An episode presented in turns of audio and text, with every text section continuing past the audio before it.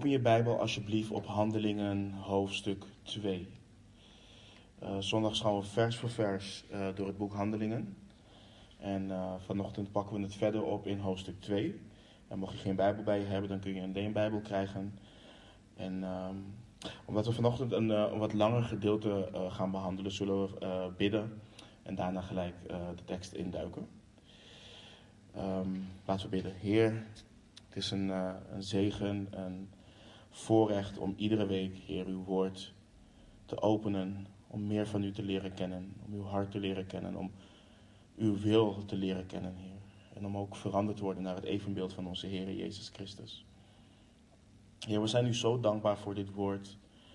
Woord wat uh, voor eeuwig zal bestaan, Heer. En um, de kracht heeft om onze harten, onze ziel te veranderen. Om bekering te schenken en om ons toe te rusten, op te bouwen en ons meer te vormen naar uw evenbeeld. Dus uh, zoals we net ook hebben gebeden, Heer, doe een bovennatuurlijk werk. Neem afleiding bij ons vandaan om dit woord volledig tot ons te nemen. En um, we zien gewoon uit naar wat we vandaag uh, mogen behandelen en hoe u wilt spreken tot uw gemeente. We loven en prijzen uw naam en uh, alles ter eer en glorie van de Heer Jezus Christus. In Jezus' naam. Amen. Uh, de afgelopen paar weken, ik uh, weet niet hoe jullie het ervaren, maar voor mij is het een, um, een verademing geweest in, um, in wat de Heer doet en wil doen uh, binnen deze gemeente. En ik moest denken dat um, aan wanneer de Heer de profeet Jeremia roept en hem tot profeet over het volk aanstelt, dan zegt de Heer iets tegen hem wat ik, wat ik heel bijzonder vind. En dat lezen we in, in Jeremia 1, vers 9 en 10. Dan zegt de Heer, of er staat er, toen stak de Heer zijn hand uit en raakte mijn mond aan. En de Heer zei tegen mij, zie, ik geef mijn woorden in uw mond. Zie, ik stel u op deze dag aan over de volk en over de koninkrijken. Om weg te rukken en af te breken, om te vernielen en omver te halen. Maar ook om te bouwen en te planten. En nu weet ik dat dit specifiek gaat over de bediening van Jeremia. Um, in die tijd. Maar wat ik bijzonder vind is dat bij een ieder van ons dingen worden afgebroken door onze studie in handelingen. Um, en omver worden gehaald om vervolgens vanuit Gods woord weer opgebouwd te worden. En uh, dat schrijf ik absoluut niet aan mezelf toe, uh, maar aan de Heilige Geest die het levende woord uh, toepast in ons leven. En ik zie in ieder van ons uh, hoe de Heer bij een ieder van ons ons denken aan het hernieuwen is. En ik, ik, ik prijs hem daarvoor. Ik ben hem echt dankbaar daarvoor. Nou, we hebben de afgelopen uh, weken bij een aantal thema's hebben we stilgestaan. Um, in de eerste studie van handelingen hebben we gezien dat wat de discipelen, dat wat de discipelen zien doen in het boek Handelingen, hun interpretatie is van wat de Heer hen heeft opgedragen. Nou, in Lucas 24, eh, vers 47 en 48 lezen we het volgende. En in zijn naam de Heer Jezus spreekt. En in zijn naam moet onder alle volken bekering en vergeving van zonden gepredikt worden. Te beginnen bij Jeruzalem. En u bent van deze dingen getuigen. En maar in Matthäus 28, vers 19 en 20 ook, die kennen we heel goed. Ga dan heen, onderwijs al de volken, hen dopend in de naam van de Vader en van de Zoon en van de Heilige Geest. Hun lerend alles wat ik u geboden heb in acht te nemen. En zie, ik ben met u al de dagen tot de voleinding van de wereld. Amen. En, en dus dit, dit is de grote opdracht die ze hebben meegekregen. Maar we hebben ook gelezen, voordat ze dat konden, moesten ze wachten op de belofte van de Vader, op de Heilige Geest die over hen heen zal komen en ze zal bekleden met kracht om getuigen van Jezus Christus te zijn in Jeruzalem, Judea en Samaria en tot aan het uiterste van de aarde. En zo is het evangelie door de eeuwen heen bij ons gekomen en zo zitten we hier vandaag de dag. Maar voor ons betekent dat ook wat heel, bijzonder, of heel belangrijks. Uh, belangrijk, de kerk hoort in en door de kracht van de Heilige Geest in gehoorzaamheid aan Christus voor te zetten wat de Heer Jezus is begonnen te doen en begonnen te onderwijzen. Dat, dat, dat, is de wil, dat is wat God wil, dat is wat Hem verheerlijkt, dat is wat Hem glorie brengt.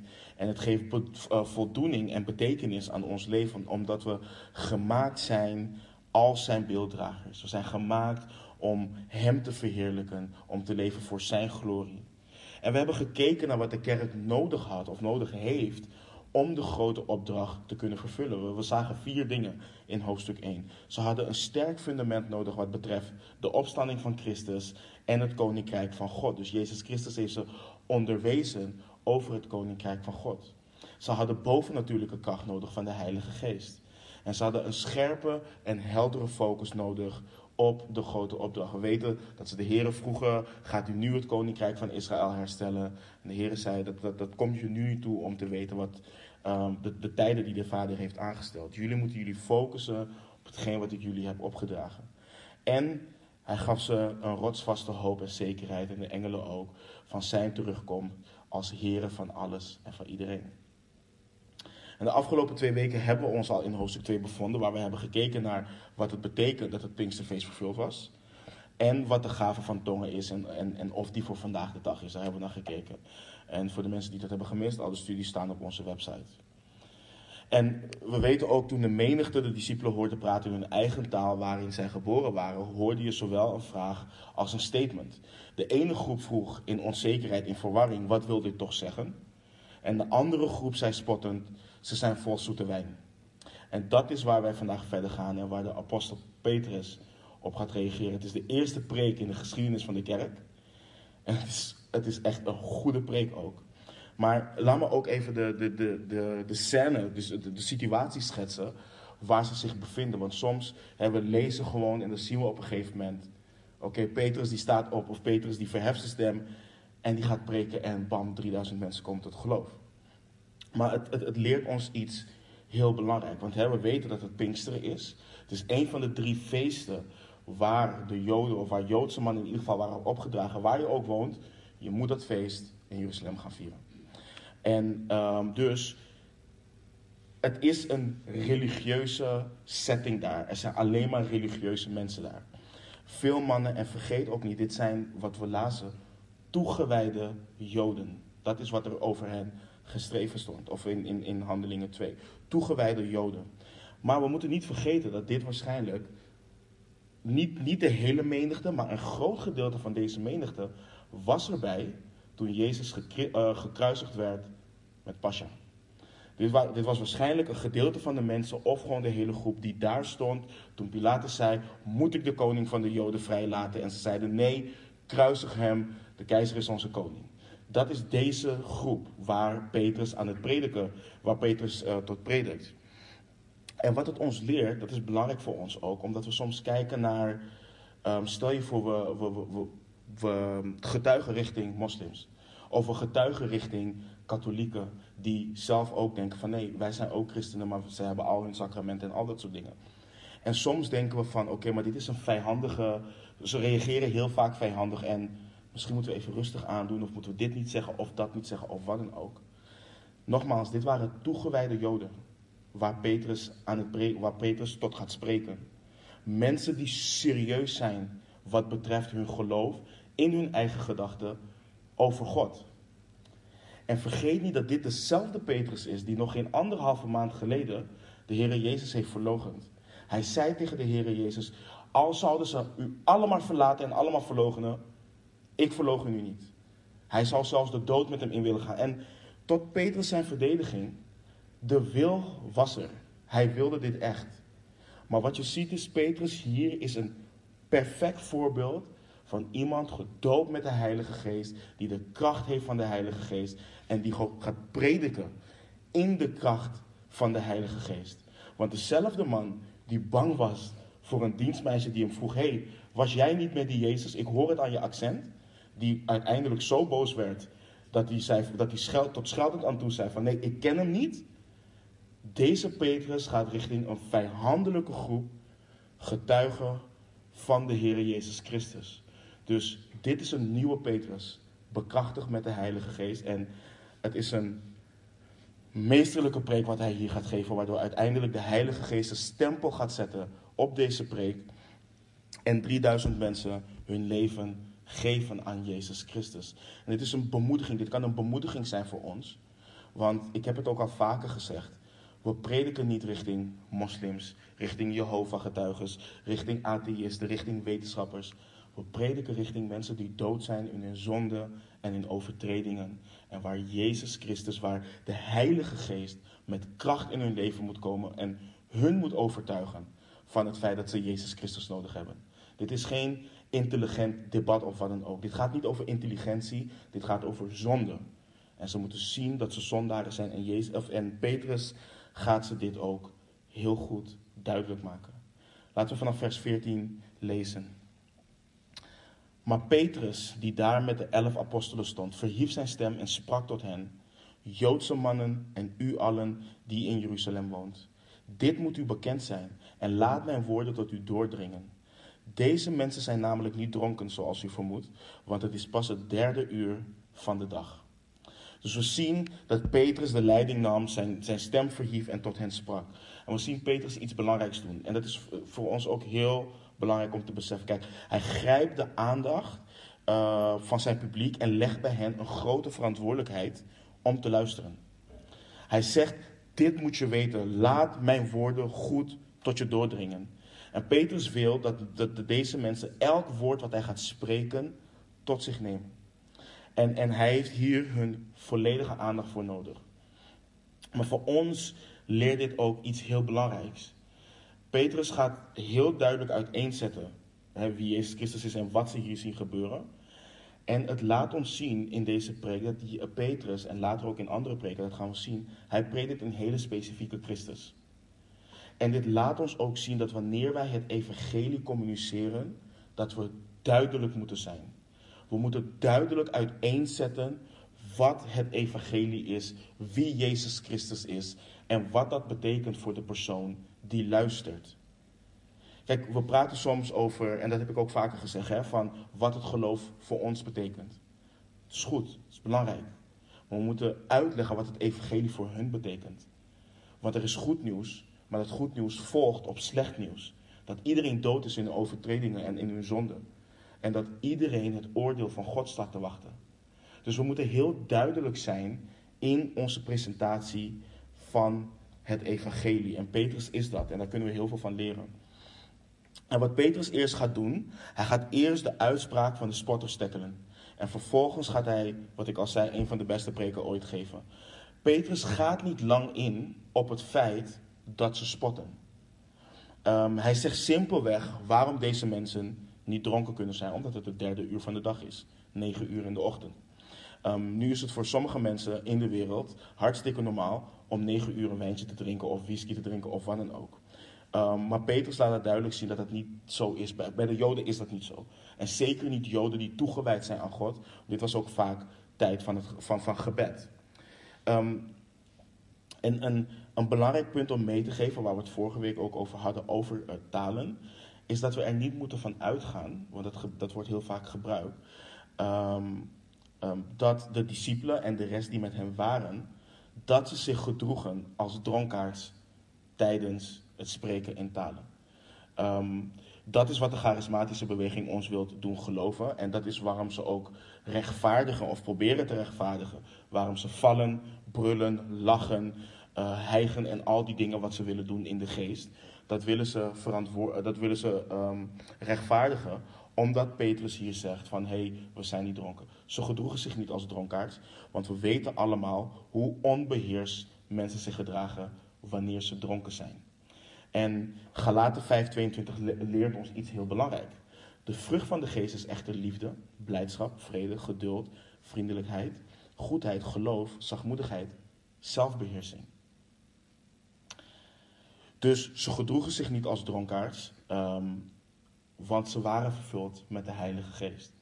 Dus het is gewoon een hele goede om, uh, om te tackelen. En ik wacht tot de dag van vandaag. Wacht ik op iemand die nooit een taal heeft geleerd, en opeens dronken is en opeens vloeiend Pools, vloeiend Spaans of wat dan ook leert spreken of gaat spreken op dat moment uh, als resultaat van hun dronkenschap. Ik heb het nooit gezien en volgens mij is het ook nog nooit gebeurd.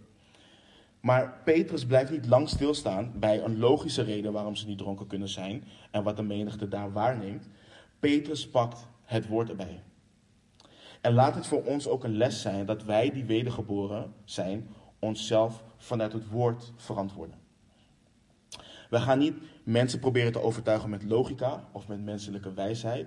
Wij praten altijd vanuit het woord. Dat is wat Petrus hier ook doet. En vanaf vers 16 lezen we dan. Maar dit is wat gesproken is door de profeet Joël.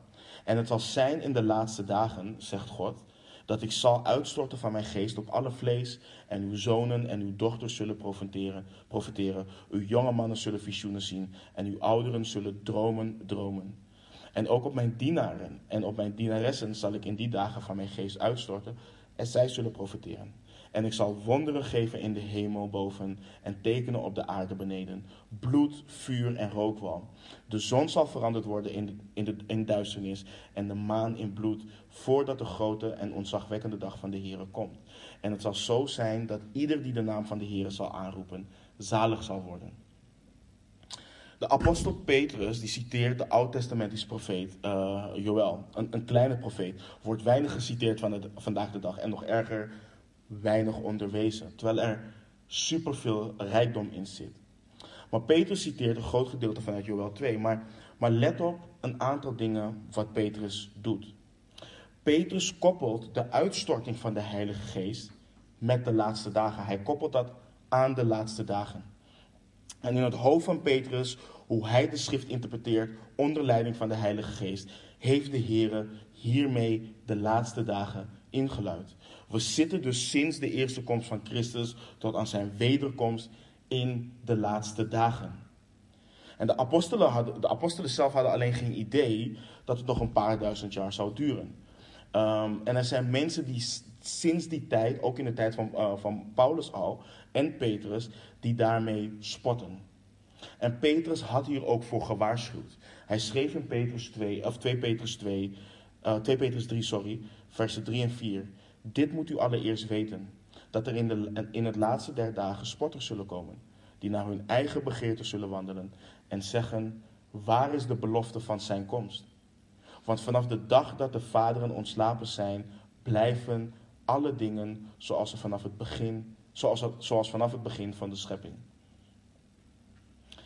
Dus mensen spotten hiermee, want hè, hij zal toch al lang komen. Maar later schrijft Petrus ook in hetzelfde hoofdstuk, in vers 8, schrijft hij: maar laat, u, maar laat vooral dit u niet ontgaan, geliefden, dat één dag bij de Heer is als duizend jaar en duizend jaar als één dag. Weet je, kijk, we zien de wereld steeds goddelozer worden. Dat, dat kunnen we niet ontkennen. En we kunnen soms ontmoedigd raken van wat we zien. En het kan soms zelfs twijfel brengen. Heer, waar bent u? Wanneer komt u? Komt u wel? En het, het belangrijke is dat we standvastig moeten blijven in ons geloof. Kijk, als ik kijk naar wat ik nu zie, ik denk dat zij dat ook hadden, maar als ik kijk naar wat ik nu zie, het duurt niet lang meer. Ik kan geen datum voorspellen, want de Heer heeft gezegd, we weten dat niet. Maar ik geloof echt niet dat het lang gaat duren voordat we Hem van aangezicht tot aangezicht uh, zullen zien. Maar het belangrijkste is dat we standvastig moeten blijven in de hoop en de zekerheid die we hebben in onze Heer Jezus Christus. En, en, en, en, en Petrus die zegt hier dus, kijk, we bevinden ons nu, vanaf nu bevinden we ons in de eindtijd. En de profetieën die we in Joël lezen, worden nu vervuld en gaan in de laatste dagen in vervulling.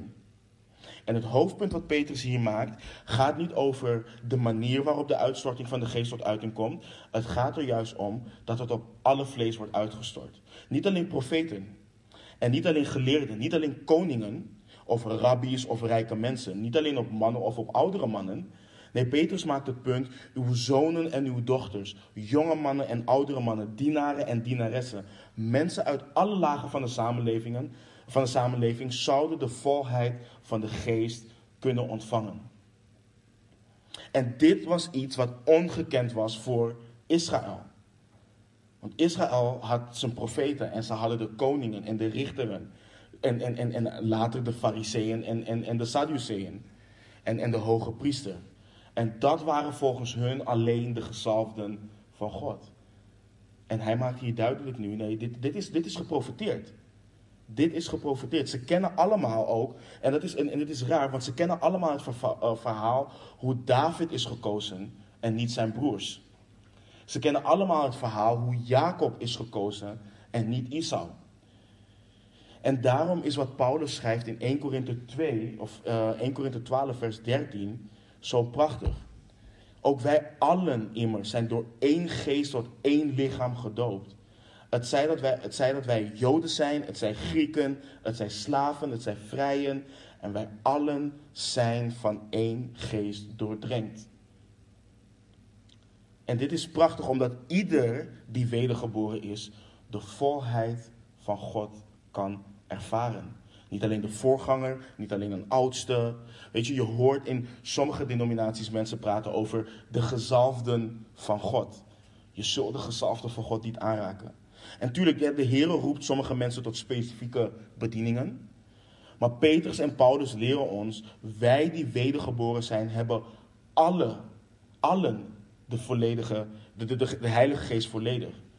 Ik heb niet alle wijsheid in pacht. Delano heeft niet alle wijsheid in pacht. We hebben allemaal dezelfde geest. Dezelfde geest is werkzaam in mij en in jou. En vervolgens gaat Petrus verder en, en heeft hij over het oordeel wat zal volgen na deze dingen. In vers 19 zegt hij: En ik zal wonderen geven in de hemel boven en tekenen op de aarde beneden: bloed, vuur en rookwalm. De zon zal eh, veranderd worden in duisternis en de maan in bloed, voordat de grote en onzagwekkende dag van de Here komt. Kijk, Petrus wist niet wanneer deze dingen zouden plaatsvinden, want de profeet Joël die zegt, zegt dat ook niet. Hij maakt hier niet het statement dat dit allemaal volledig in vervulling is gegaan uh, met Pinksteren. Want sommige mensen zeggen dat dit in vervulling is gegaan toen de Heer gekruisigd werd en de hemel donker werd. En anderen zeggen dat dit weer in vervulling is gegaan in 70 ongeveer na, na Christus, toen Jeruzalem verwoest werd. En hoewel misschien een symbolische vervulling was toen Jeruzalem uh, verwoest werd, leert Openbaring 6:12 ons dat deze dingen in vervulling gaan wanneer het lam het zesde zegel opent tijdens de grote verdrukking. Dus deze dingen zijn nog niet in volledig in vervulling gegaan. Dus ik geloof dat deze dingen, de letterlijke vervulling hiervan, nog moet plaatsvinden. Maar dat gaan, dat gaan we allemaal in, uh, in depth um, bekijken wanneer we hierna in de openbaring gaan. Maar het punt van Petrus is dat uh, uh, door de door Joël voorspelde uitstorting van de geest is gebeurd op dat moment. Het Messiaanse tijdperk is begonnen. En, en, en de vraag is dan, kan Gods oordeel wat dat betreft dan achterblijven? En hij zegt nee. De ontzagwekkende dag zal komen. Maar voordat men denkt dat er geen hoop is, geeft de profeet Joël prachtig nieuws, goed nieuws. En hij schrijft dus, en, en, Petrus zegt, um, zegt dan, in vers 21 lezen we, en het zal zo zijn dat ieder die de naam van de Heer zal aanroepen, zalig zal worden. En Petrus wordt nu steeds specifieker. Hij vertelt hoe profetieën in, of hoe profetie in vervulling is gegaan. Hij linkt dat dus aan Pinksteren. En vervolgens vertelt hij over het oordeel wat komen zal, maar hij heeft nog niet duidelijk aan zijn publiek gemaakt dat ook zij, als Godvrezende Joden, deze dag of dit oordeel moeten vrezen. En dat is ook vaak waar het misgaat in de prediking van vandaag en in ons getuigenis van vandaag. Weet je, kijk, we droppen hier en daar droppen we bijbelse waarheid. We praten wel eens over zonde, we praten over oordeel en we praten over Christus, maar we laten het in het midden. En, maar, en men, wordt men wordt weinig uitgelegd dat het oordeel van God iets is wat men moet vrezen. Dit is echt iets wat men moet vrezen, dat die dag komt. Als we openbaring lezen, als we weten wat, we, weten wat er gaat gebeuren. En we, en, we, en we brengen het dan van, weet je, Jezus houdt van je en hij staat met open armen voor je. En als je hem niet accepteert, dan breek je, breek je zijn hart en dat soort dingen. Maar dat ding is, het is wanneer die dag komt, dan breek je niet zijn hart. Hij zal jou breken op dat moment. En dat is echt iets serieus. En we moeten dat echt vertellen aan mensen. Mensen moeten die dag vrezen en weten dat dit eraan komt. Dit is geen fabeltje wat we geloven. Maar niet alleen dat. Men moet horen dus daarin dat ze Christus nodig hebben. Ze moeten horen, Christus is niet een, een nice to have. Hij is nodig. En Petrus gebruikt vers 21 als transitie om het over de Heer Jezus Christus te gaan hebben. Hij gaat uitleggen dat in de tijd van genade waar ze in leven, tot de dag van vandaag waar wij ook in leven, mensen zalig kunnen worden door het aanroepen van Jezus Christus. Door Hem aannemen als Heer en Verlosser. En in vers 22 tot met 36 gaat Petrus vier manieren geven, want dat is nodig voor de Joden. Hè? Want eh, vergeet niet, dit is een preek specifiek aan een Joods publiek. Hij gaat vier manieren geven waarop God heeft bevestigd dat zijn zoon Jezus Here en Christus is. Maar voor ons is het ook iets heel belangrijks. Kijk, nogmaals, ik zei, Petrus is niet lang ingegaan op het, het feit dat ze spotten. Petrus grijpt het moment aan om over Jezus Christus te praten. En dat is ook wat wij moeten doen. We, moeten niet in, we hoeven niet lang met mensen in discussie te gaan over absolute waarheid, over dit, over dat. We moeten het moment aangrijpen om over Christus te praten. En hij, en zegt dan vanaf vers 22, Israëlitische mannen, luister naar deze woorden. Jezus de Nazarener, een man die u van Gods wegen, aan, Gods wegen aangewezen is, door krachten, wonderen en tekenen, die God in uw midden door hem gedaan heeft, zoals u ook zelf weet. De eerste manier waarop God heeft bevestigd dat Christus is wie hij claimde te zijn aan de Israëlieten, is door de krachten, wonderen en tekenen die God in hun midden door hem heeft gedaan. En hij benadrukt ook nog dit. Jullie weten dit. Jullie weten van de tekenen die er gedaan zijn. Niemand van hen kan ontkennen wat voor grote werken door eh, de Heer Jezus heeft gedaan. Niemand kan de krachten en wonderen en tekenen ontkennen die hij in hun midden gedaan heeft. En deze wonderen bevestigen ook dat hij daadwerkelijk de door God gezonden Messias was. Toen Nicodemus naar de Heer Jezus toekwam in de nacht, in Johannes 3, wat zegt Nicodemus tegen de Heer? Rabbi, wij weten dat u van God gekomen bent als leraar. Want niemand kan deze tekenen doen die u doet als God niet met hem is. Johannes 3:2. En jullie kennen het verhaal, we zijn door het evangelie van Johannes gegaan. Uh, jullie kennen het verhaal van de blind geboren man in Johannes 9. De Joodse leiders wilden maar niet erkennen dat er een wonderbaarlijk werk heeft plaatsgevonden. Een man die blind geboren was, kon opeens zien. En niemand anders dan de Heer Jezus heeft het, gedaan, heeft het gedaan. En het gesprek tussen de blindgeboren man en de Joodse leiders wordt zo fel. En dan zegt de blindgeboren man iets prachtig over de Heer Jezus. Hij zegt in Johannes 9, vers 30 tot en 33. Er is toch iets wonderbaarlijks in dat u niet weet waar hij vandaan komt en dat hij wel mijn ogen geopend heeft. En wij weten dat God niet naar zondags luistert. Maar als iemand godvrezend is en zijn wil doet, naar hem hoort hij. Door de eeuwen heen is het niet gehoord dat iemand de ogen van een blindgeborene geopend, blindgeborene geopend heeft. Als deze niet van God was, zou hij niets kunnen doen. God heeft door alle werken van de Heer Jezus Christus bevestigd dat hij de gezonden Messias is. En de Joden hebben gezien wat voor werken hij deed. Ze konden het niet ontkennen, want sommigen zagen de werken en schreven die toe aan de Satan. En, en, en, en daarmee kunnen we uit opmaken, kijk, ze zagen de grote werken voor hun ogen, maar ze wilden zich niet onderschikken aan Jezus Christus als Heer en Messias. En zo zie je ook, en dat is ook wat, we, wat de charismatische beweging kan leren hiervan.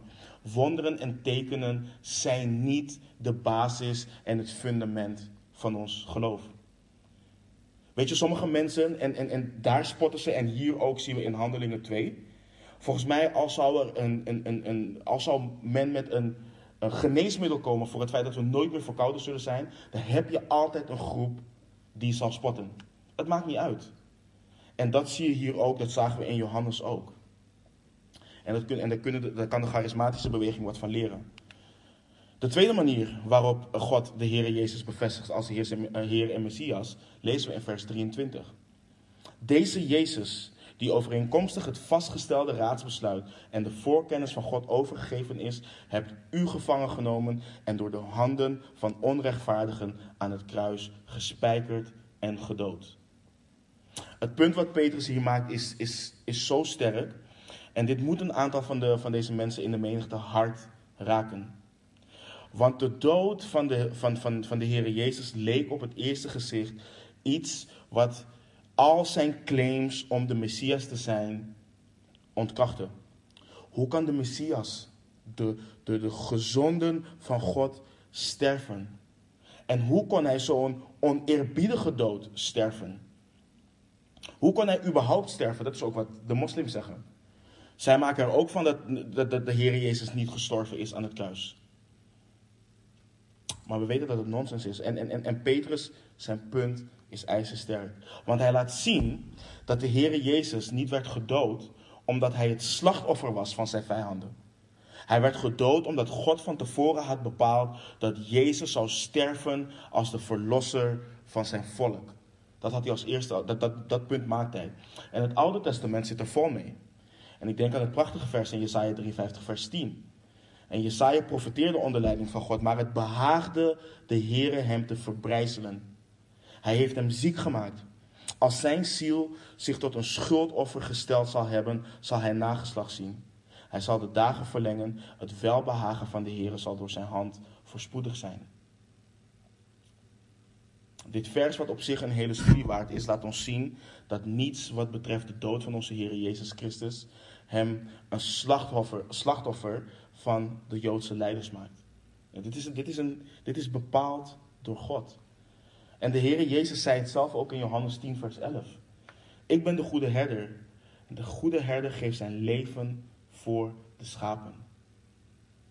En in versen 17 en 18 van datzelfde hoofdstuk lezen we: Daarom heeft de Vader mij lief, omdat ik mijn leven geef om het opnieuw te nemen. Niemand neemt het, van, niemand neemt het mij af, maar ik geef het uit mijzelf. Ik heb macht het te geven en heb macht het opnieuw nemen. Dit gebod heb ik van mijn Vader ontvangen. Hoe ontzagwekkend en hoe prijzenswaardig is het om te weten en erbij stil te staan dat de Heer dit bewust gedaan heeft om ons te redden. Dit is geen geluk bij een ongeluk wat we zeggen in onze taal. Dit is Gods vastgestelde raadsbesluit. Hij heeft voor de grondlegging van de wereld bepaald dat hij zijn zoon zou geven voor de verzoening van onze zonde. Prijs hem daarvoor. Maar let ook goed op wat Petrus doet. Hij maakt ze duidelijk dat ze niet zonder schuld zijn. Dus ook al is het door God bepaald, maakt hij ze duidelijk: het is niet zonder schuld. Het is niet, jullie zijn niet zonder schuld. Hij wil ze niet laten eh, denken dat zij slachtoffers hier zijn en dat zij de Messias gemist hebben. Petrus zegt tegen hen: Jullie hebben hem gevangen genomen. En jullie hebben hem overgeleverd aan de Romeinen. Jullie hebben hem aan het kruis genageld. Dus jullie hebben hier schuld in. En zonder hun wil te schenden gebruikte God slechte mensen om zijn eeuwige doel te bereiken. Maar die slechte mensen waren verantwoordelijk voor hun eigen misdaad. En dit leert ons dat niemand, maar dan ook niemand, God de schuld kan geven van zonden. Niemand kan God de schuld geven van het kwaad in de wereld. Mensen hebben hun eigen verantwoordelijkheid hierin. Ook al werkt God er doorheen, of God werkt er doorheen, maar mensen hebben hun eigen verantwoordelijkheid. En de eeuwige vraag, die ik ook vaak krijg, en wat altijd leidt tot filosofische debatten volgens, voor andere mensen, maar waarom plaatste God die boom daar ehm, ehm, als hij wist dat zij zouden zondigen? Is de vraag die we altijd krijgen, de vraag die heel veel wordt gesteld. En wat ze doen is, ze doen precies wat Adam ook deed. Het is die vrouw die u me gegeven heeft, waardoor ik dit heb gedaan. Ik ben maar een slachtoffer van de slechte dingen en, en, en de dingen die ik doe in mijn ongehoorzaamheid. En dat is wat men wilt geloven. Maar de Bijbel zegt, er is niemand rechtvaardig, ook niet één. Er is niemand die verstandig is. Er is niemand die God zoekt. Ik had laatst uh, van de week had ik een gesprek op kantoor. Ik was na een lange tijd op kantoor en ik, ik zag er zo tegenop om te gaan. Um, want eh, ik moet dan een uur en drie kwartier moet ik naar Rotterdam heen en dan een uur en drie kwartier terug. En ik was, ik, ik, ik, had geen zin. En ik had gebeden in de ochtend. Ik zeg, Heer, weet u, gebruik mij, um, plaats me in een situatie waar ik niets anders, kan dan van u getuigen. En ik was nog geen twintig minuten binnen en ik zat al in een heel gesprek over Jezus Christus. Dus ik was dankbaar. Maar wat was het ding? Dat mensen alleen maar aan het praten waren over hoe goed zij waren. Dat is het ding van nee, want weet je, ik probeer goed te doen door dit te doen en door dat te doen. En weet je, en kijk al het kwaad en eh, er zijn te veel mensen op de wereld en noem maar op. Zo ging het gesprek verder. En dan moet je mensen duidelijk gaan maken van, maar hoos even. Je kijkt helemaal naar wat bijvoorbeeld een, een, een, een, iemand uit het leger doet in, in, in, in een land in Afrika en, en die noem je slecht. Maar aan de andere kant ligt je hier de Belastingdienst op, bij wijze van spreken. Weet je, dus het is heel makkelijk om iemand anders slecht te noemen. En, en, en zonde, dat, dat, dat is mij opgevallen. Voordat ik tot geloof kwam, zag ik het heel goed. Of vond ik het zelf ook bij mezelf. Zonde staat iemand anders altijd beter. Je ziet het altijd bij iemand anders. Maar bij jezelf denk je van, mm, zo slecht ben ik zelf niet. Maar iemand anders staat het altijd beter. En, en God maakt duidelijk in Romeinen 3:23. Allen hebben gezondigd. En missen de heerlijkheid van God. Alle mensen. En dat is wat Petrus hun duidelijk maakt. En dat is ook wat wij mensen duidelijk moeten maken. Maar Petrus zegt, God had dit bepaald. En zijn dood is een manier waarop God bevestigd heeft dat hij hem gezonden heeft.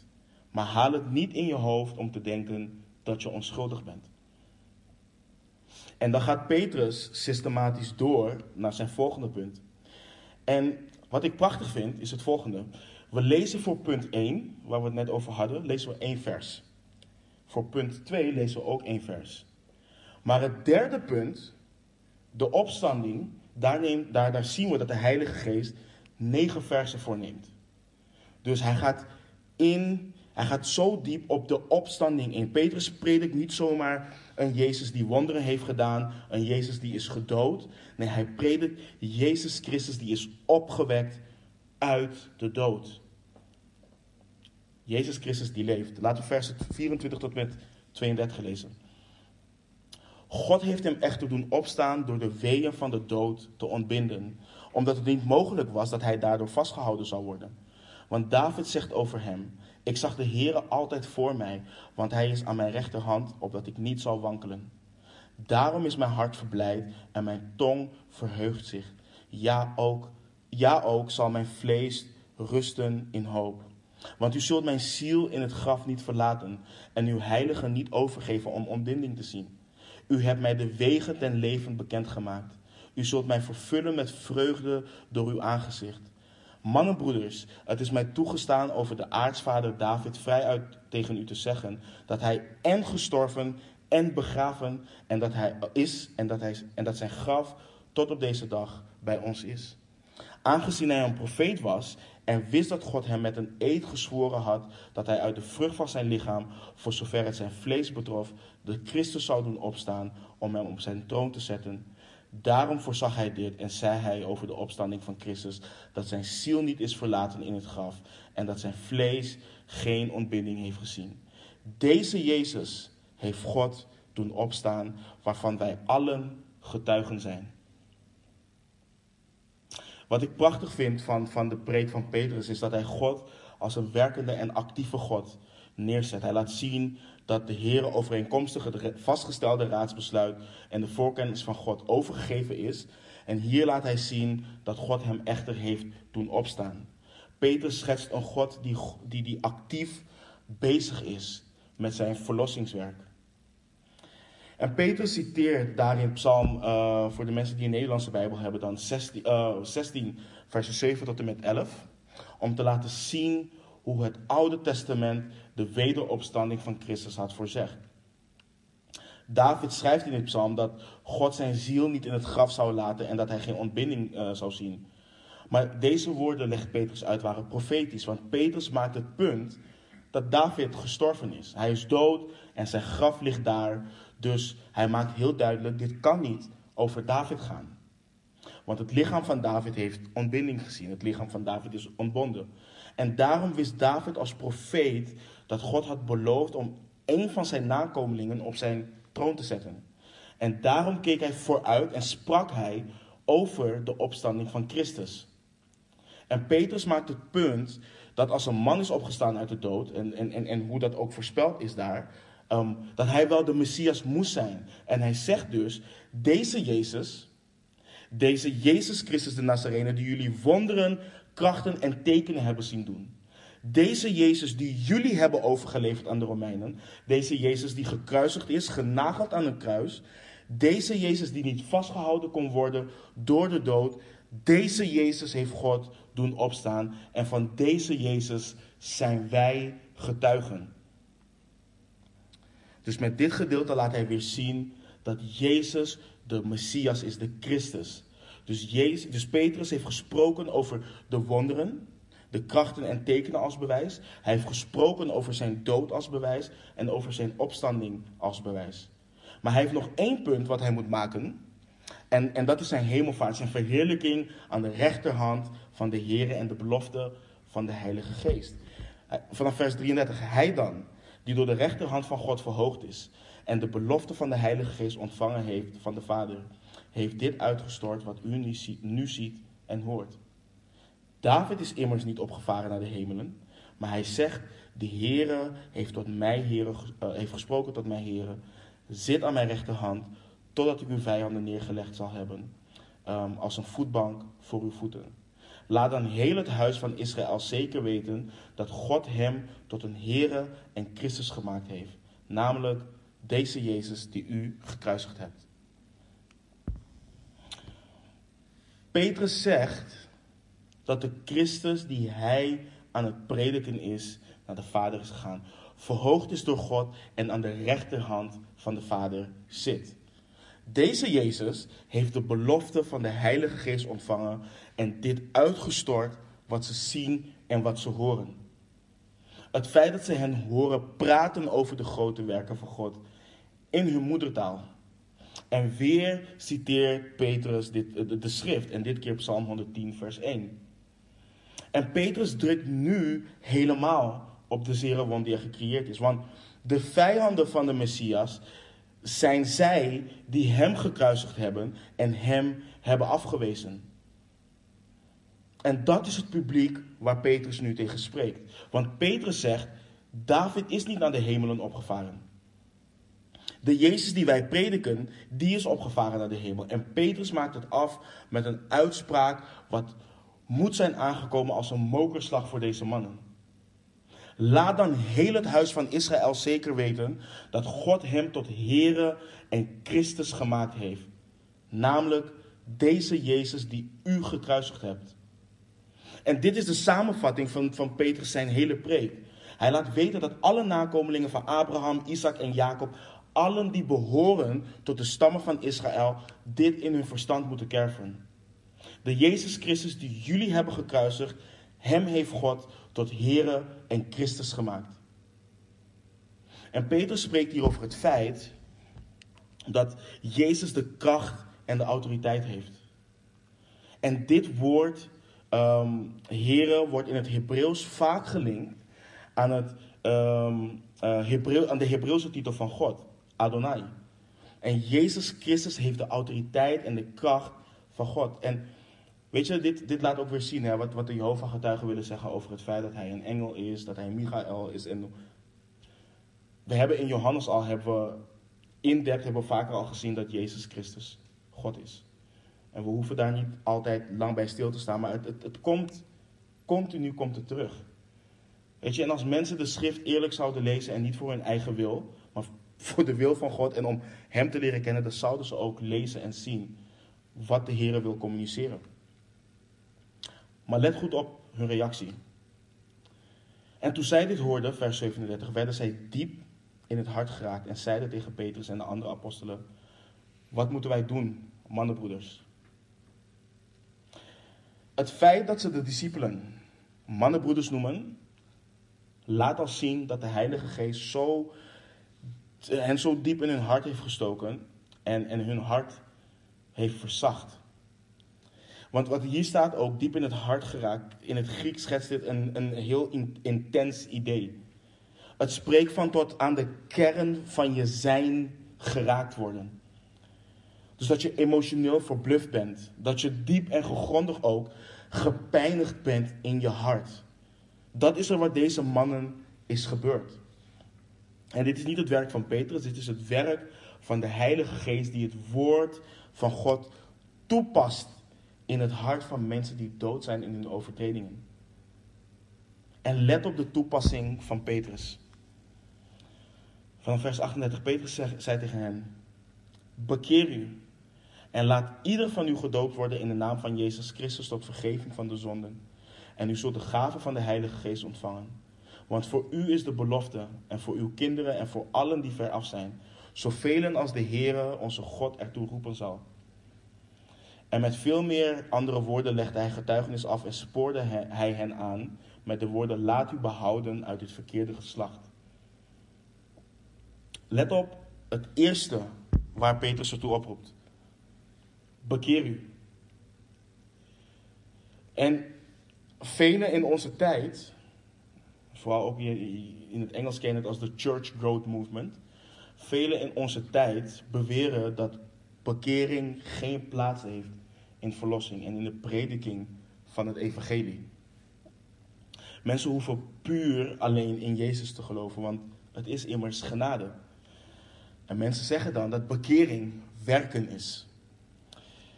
En dan, dan, dan leggen ze uit dat bekering iets is wat misschien later komt of misschien helemaal niet. En dat is wat liberale beleidende christenen willen doen, geloven. Maar als dat zo is, dan heeft Petrus het evangelie verdraaid en verknald. Want hij roept hier duidelijk op tot bekering. En voor liberale mensen klinkt dit heel hard en klinkt dit ook heel bekrompen.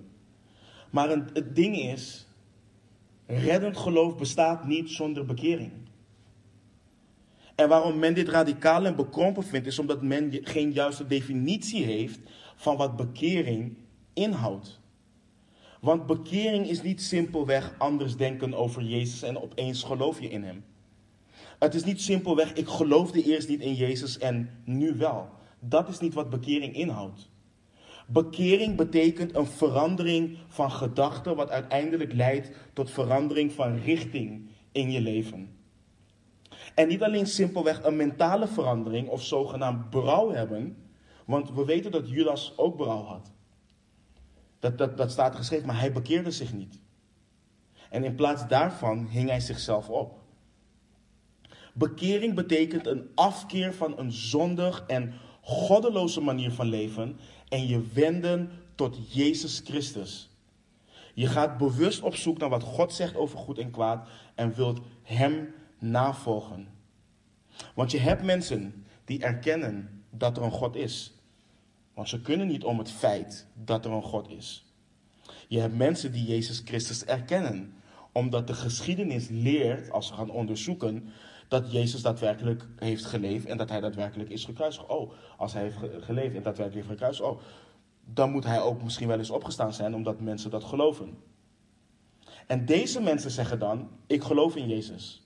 Maar ze leven nog steeds als de wereld, ze praten nog steeds als de wereld en ze doen nog steeds als de wereld. Omdat ze van de wereld zijn. Ze hebben zich nooit bekeerd. Dus wat Petrus hier zegt is, is en wat, dus wat Petrus hier zegt, bekeer u is essentieel. Want mensen doen alsof het gaat om moraliteit. Oh, doen wat goed is. Maar ook mensen die niet bekeerd zijn, kunnen dingen doen die goed zijn. Als we kijken naar de mensen die doneren, het gros van de mensen zijn ongelovige mensen. Die geld geven aan, aan, aan, welke stichting dan, ooit, dan ook. En men doet alsof bekering een term is wat wij tegenwoordig hebben uitgevonden. Maar wat waren de woorden van de Heer Jezus toen hij begon te prediken? De eerste woorden die hij begon in uh, Matthäus 4, vers 17. Bekeer u, want het koninkrijk der hemelen is nabijgekomen. Zijn de woorden van de Heer Jezus. Het zijn geen woorden die wij hebben verzonnen. Dit zijn gewoon de woorden van de Heer Jezus. En, en let op ook wat Petrus doet. Hij roept een ieder als individu om dit te doen. Redding is iets van het individu. Een ieder voor ons staat als individu voor God en zal ook voor zijn troon komen te staan. Niemand van ons zal gered worden omdat onze ouders wedergeboren zijn. Niemand van ons zal gered worden omdat zijn of haar partner wedergeboren is. Niemand van ons zal gered worden omdat onze opa's en oma's wedergeboren zijn of wedergeboren waren. Iedere persoon, ieder persoon hoort zich te bekeren. En dat is waar Petrus hen toe oproept. En Petrus zegt ook: laat ieder van u gedoopt worden in de naam van Jezus Christus tot vergeving van de zonden en u zult de gave van de Heilige Geest ontvangen. Er zijn beleidende christenen en bewegingen die deze tekst ook gebruiken als hoofdtekst om te bewijzen dat je gedoopt moet worden um, om gered te zijn, of dat de doop gelijk staat aan de wedergeboorte. Um, en dat is niet wat de tekst leert. Kijk, net zoals we vorige week systematisch hebben gekeken naar de gave van talen, moeten we ook systematisch naar deze tekst kijken. Kijk, als eerste negeren de mensen die deze tekst gebruiken de context waarin Petrus dit predikt. We hebben, dat, we hebben de scène net geschetst aan het begin. Kijk, de doop maakte een duidelijk statement. Joden werden over het algemeen niet gedoopt in deze tijd. Heidenen die zich bekeerden tot het Jodendom, die werden gedoopt. En zij linkten deze daden ook als een daad voor heidenen. Niet voor Godvrezende Joden. En toen we in het evangelie van Johannes studeerden, hebben we ook behandeld waarom de Joden zo verbaasd waren dat Johannes de Doper mensen doopte. Ze vroegen hem ook, waarom doop je? Um, met welke autoriteit roep je Israëlieten op om zich te laten dopen? En door zich te laten dopen lieten deze mannen, uh, Israëlitische mannen en vrouwen zien hoe hard ze Jezus Christus nodig hadden. Want kijk, als de doop nodig was, had Paulus niet het volgende gezegd. Oh, ik heb die helaas er niet bij staan. Um, want Christus heeft mij niet gezonden, in 1 Korinthe 1 vers 17 schrijft Paulus, um, want Christus heeft mij niet gezonden om te dopen, maar om het evangelie te verkondigen. Niet met wijsheid van woorden, opdat het kruis van Christus zijn inhoud niet verliest. 1 Korinthe 1 vers 17. Kijk, als de doop essentieel was, dan was de apostel Paulus, die, waarvan we heel veel mensen tot geloof zien komen door zijn bediening, een doopmachine geweest. Hij zou iedere persoon die, hij, die tot bekering was gekomen, uh, hebben laten dopen. Maar Paulus roept mensen op om zich te bekeren. Petrus roept mensen op tot bekering. En in het volgende hoofdstuk gaan we zien dat Petrus weer een preek geeft. En ook, um, ook aan Joden. Maar daarin roept hij niet op tot de doop. Maar hij roept wel op tot bekering. Dus toen Petrus deze mensen opriep om zich te laten dopen, riep hij hen op om een radicale breuk te maken met hun cultuur, met hun religie die de Messias had gekruisigd. En om in het openbaar met Jezus Christus geïdentificeerd te worden. Dus dit uiterlijke symbool zou de realiteit bewijzen van hun innerlijke berouw en hun geloof. En het feit dat God hun zonde had vergeven. En het woord doop in het Grieks schetst het idee dat je volledig met iets geïdentificeerd werd. En dat is wat, waar Petrus hen toe opriep. Het was geen voorwaarde voor redding. Maar een ding wat we wel veel kunnen leren, of wat we kunnen leren in deze tijd, um, is dat een ongedoopte gelovige iets totaal onbekend was in deze tijd. In de gedachten van deze mensen was het dat je je gelijk identificeerde met Christus.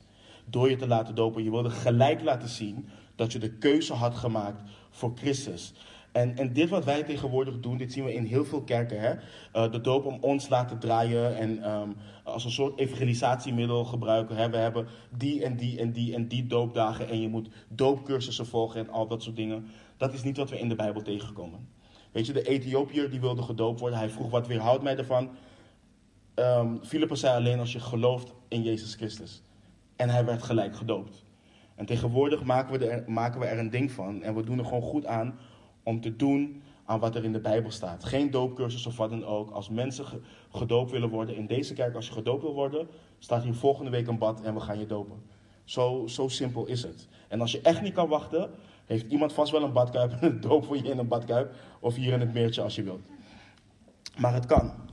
En vervolgens sprak, sprak, uh, sprak Petrus over de gave van de Heilige Geest. En wat hij daarmee bedoelt is dat de Heilige Geest zelf de gave is. Dus dat je de Heilige Geest zou ontvangen. Dat is wat er in het Grieks staat. Niet dat je na de doop een gave van de Geest zou ontvangen. En dit is ook wat Paulus schrijft. Is even kijken. Dit vers wel, ja. in uh, Efeze 1, vers 13 en 14. In hem bent, u, bent ook u, nadat u het woord van de waarheid, namelijk het evangelie van uw zaligheid, gehoord hebt. In hem bent u ook, toen u tot geloof kwam, verzegeld met de Heilige Geest van de belofte, die het onderpand is van onze erfenis. Tot de verlossing die ons ten deel viel, tot lof van zijn heerlijkheid. De Heilige Geest is een, is een gift, een gave van God als, als onderdeel van onze redding. Hij vergeeft ons niet alleen, hij geeft ons de Heilige Geest die in ons komt wonen. En het resultaat van de preek van Petrus lezen we in vers 41. Zij nu die zijn woord met vreugde aannamen, werden gedoopt en ongeveer 3000 zielen werden er op die dag aan hen toegevoegd. Het is zo prachtig en zo bemoedigend om te zien hoe God werkt door de prediking van zijn woord. Hij werkt door de prediking van onze Heer Jezus Christus. En ik, weet je waar ik met mijn hoofd niet bij kan? En ik, ik meen het echt. En ik probeer niemand af te vallen of wat dan ook. Maar er zijn zoveel kerken hier in Lelystad. Een kleine stad. En we hebben volgens mij allemaal dezelfde Bijbel. En waar ik met mijn hoofd niet bij kan, is dat we hier lezen dat de kerk is geboren door de prediking van Jezus Christus. Dat is waar de Heilige Geest zijn stempel op zet. Als, Gods als God de boodschap bevestigde dat er 3000 mensen aan hem werden toegevoegd, waarom wordt Christus niet gepredikt vandaag de dag? Ik, ik begrijp het niet. Waarom horen we pep talks? Waarom horen we motivatiepreken en dat soort dingen? Waarom horen we alleen maar preken die over de mens gaan en niet over Jezus Christus? Christus moet gepredikt worden. Dat is ook wat Paulus zei. Christus moet gepredikt worden. En de boodschap van Petrus was duidelijk. Kijk, als je het wil opsommen. Aangezien God uh, Jezus zowel Heer en Christus heeft gemaakt, die de wereld zal oordelen, moeten zondag, zondaars zich bekeren. Dat is wat hij heeft gepredikt. Dat is wat wij moeten prediken. En ik wil een, ieder van jullie ook meegeven voor wanneer we getuigen richting anderen uh, van Christus. Want dit is niet alleen iets voor voorgangers hier in de kerk. Dit is ook wanneer wij de straat op gaan. Als eerste wat de apostel Paulus zei tegen Timotheus in 2 Timotheus 4 vers 2. Volgens mij heb ik hem niet helaas op de slide, maar 2 Timotheus 4 vers 2. Daar schrijft Paulus, predik het woord. Volhard daarin, gelegen of ongelegen. Weerleg, bestraf, vermaan en dat met alle geduld en onderricht. 2 Timotheus, 2, vers, uh, 2 Timotheus 4 vers 2. Lees goed wat Paulus schrijft. Hij schrijft, predik het woord. Hij schrijft niet predik uit het woord. Hij schrijft ook niet predik met het woord. Hij schrijft ook niet citeer het woord. Hij schrijft predik het woord. Predik Jezus Christus. En wat we hebben gezien is, Petrus heeft systematisch vanuit het Oude Testament laten zien dat Jezus de Christus is. Dat is wat hij heeft gedaan. Hij is niet bezig geweest met een motivatiepreek. En ik wil jullie bemoedigen, maar ook aansporen om bij het woord te blijven. Predik Jezus Christus. Want je hebt velen die, die claimen christen te zijn, maar zichzelf of een andere, of een andere Christus prediken. Hun autoriteit is niet de Bijbel. Hun autoriteit, ze zijn zelf hun autoriteit. Maar Petrus laat hier zien dat het enige wat hij doet en wat hij kan doen, is vanuit de schrift beredeneren.